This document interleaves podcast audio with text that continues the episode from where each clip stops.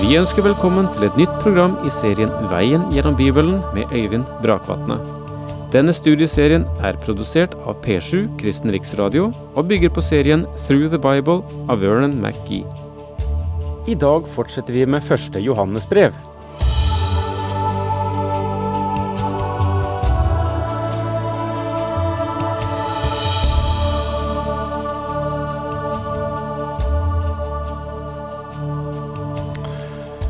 Johannes taler svært mye om kjærlighet i sin første epistel, eller sitt første brev.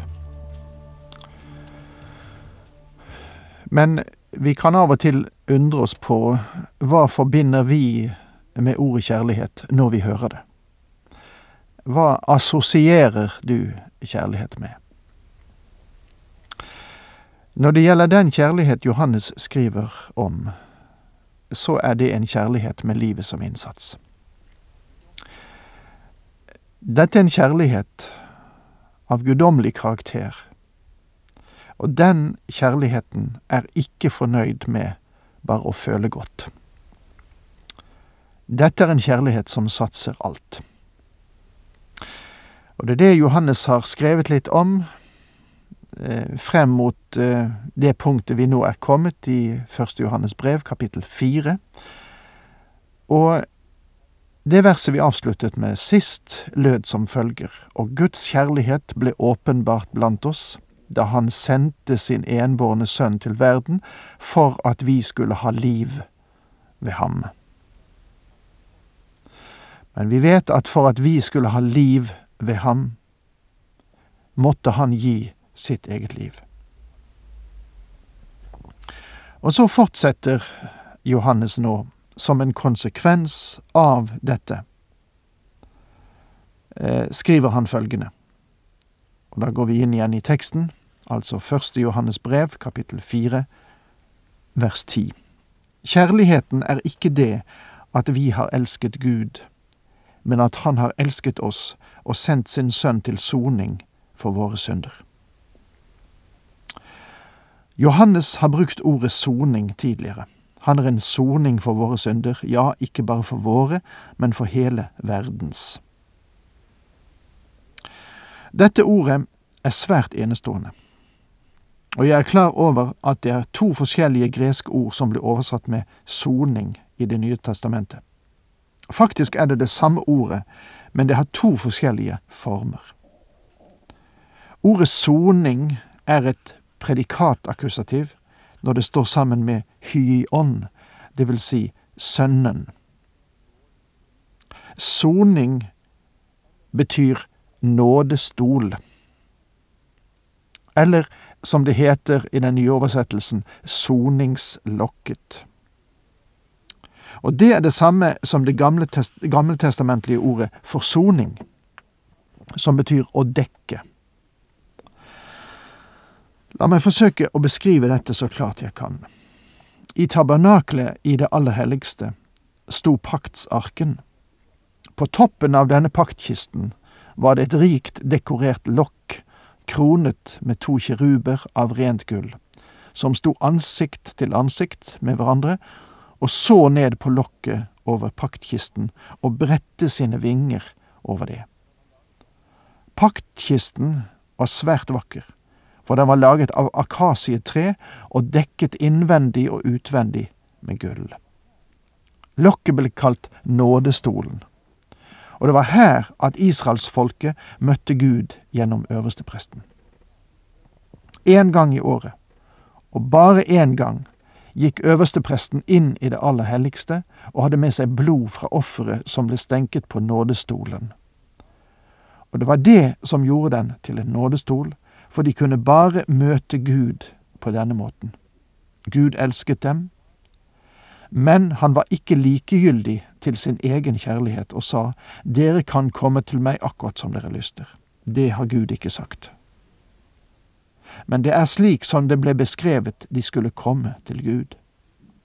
På den store forsoningsdagen gikk øverstepresten inn og stenket blodet på nådestolen. Og det betydde at nasjonen, folket, ble akseptert av Gud for ennå et år, men året etter måtte de gå gjennom akkurat det samme. Nå vel.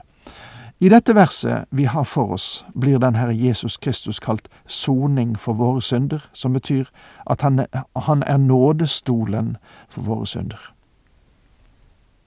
Møtestedet mellom Gud og menneske er Jesus.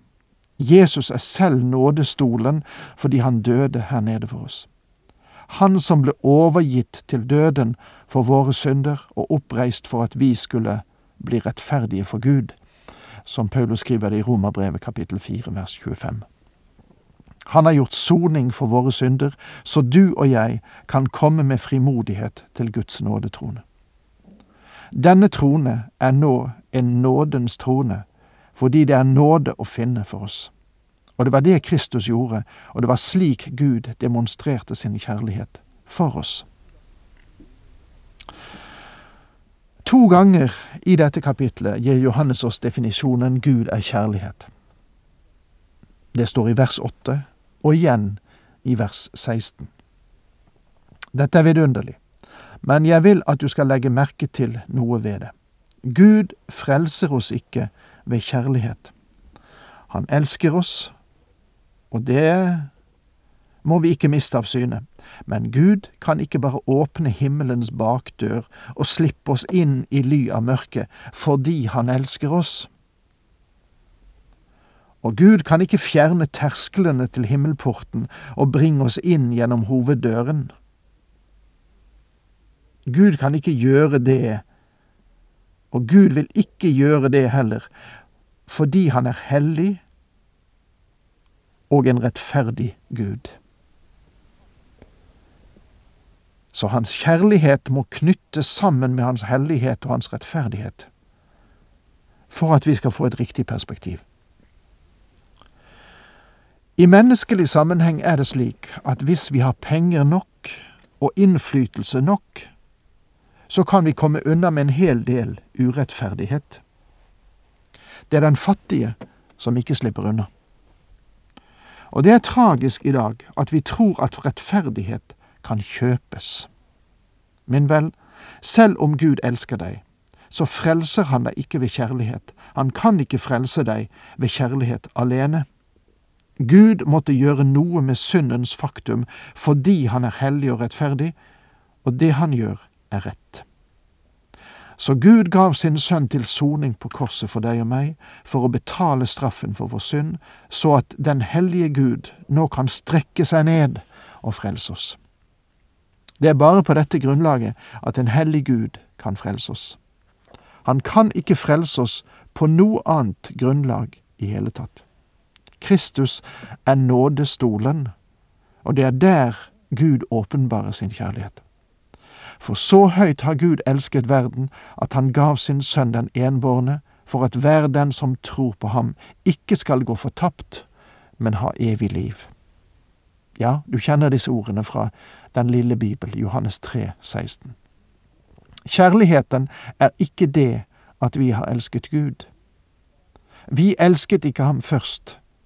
Gud gjorde ikke dette for oss fordi vi var tiltalende, eller fordi vi var gode, eller fordi vi lovet å gjøre noe. Gud elsket oss mens vi ennå var syndere. Og vi må være klar over det at Gud viser sin kjærlighet mot oss ved at Kristus døde for oss mens vi ennå var syndere. Ja, dette sterke ordet finner du i Romerbrevet kapittel 5 vers 8. Da var det Gud satte inn, og da var det Gud elsket oss. Han banet en vei for oss om vi vil akseptere den.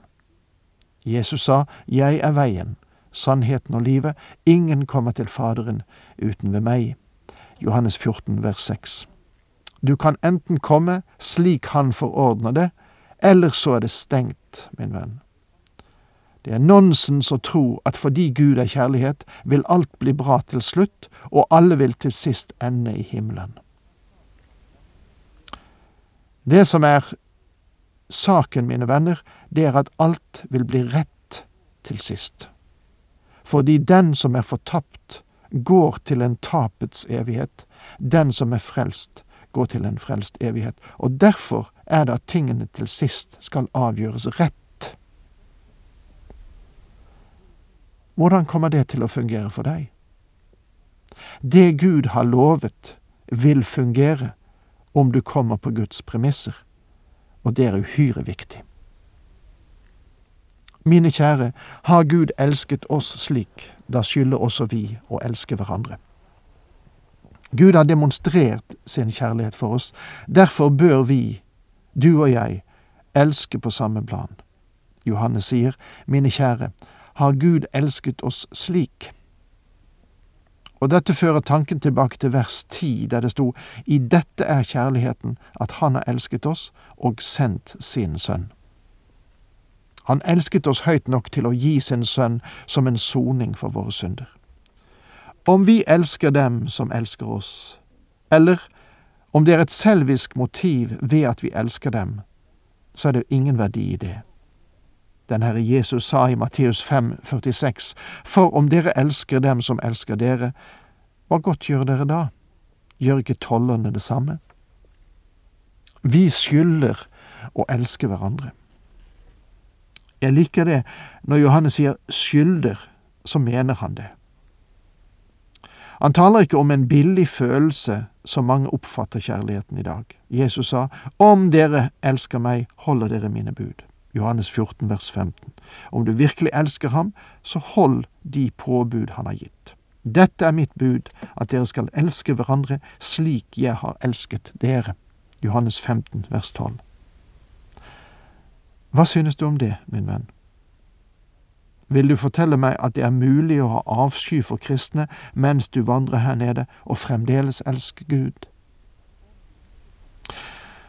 Jeg ønsker å være frimodig og si at om du ikke kan demonstrere i ditt liv at du har kjærlighet til andre troende, så er det et alvorlig spørsmål om hvordan det er med din stilling som Guds barn.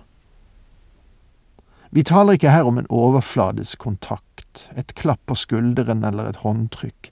Ja, det kan inkludere det også. Men har du virkelig omsorg for dine medvandrere? Har du et ansvar for å få ut Guds ord? Kjenner du en tilskyndelse til å tjene ham? Den Herre Jesus kunne si, til og med på korset, Fader, tilgi dem, for de vet ikke hva de gjør. Lukas 23, vers 34. Og kirkens første martyr, Stefanus, sa det samme. Kan du tilgi på samme vis? Er du i stand til å tilgi dem som har såret og skadet deg, og likevel bekjenne at de er Guds barn? Og om de ikke kan gjengjelde din kjærlighet, så er det spørsmål om hvorvidt de har sitt barnekår i Gud eller ikke. Dette er den virkelige prøven, det er ekthetsprøven, og den kan pløye dypt, ikke sant? Johannes graver seg ned til selve grunnvollen her. Elsker du Gud?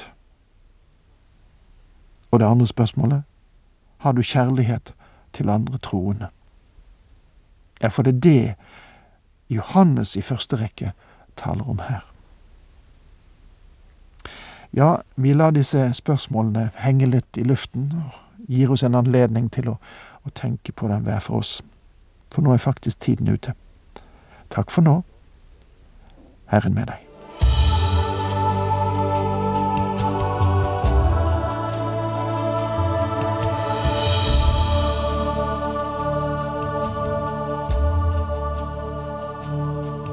Du hørte Øyvind Brakvatne i studieserien Veien gjennom Bibelen. Serien bygger på et manus av Vern McGee. Har du spørsmål eller kommentarer til programmet, kan du sende en e-post til vgb krøllalfa p7.no. Takk for i dag, og på gjenhør.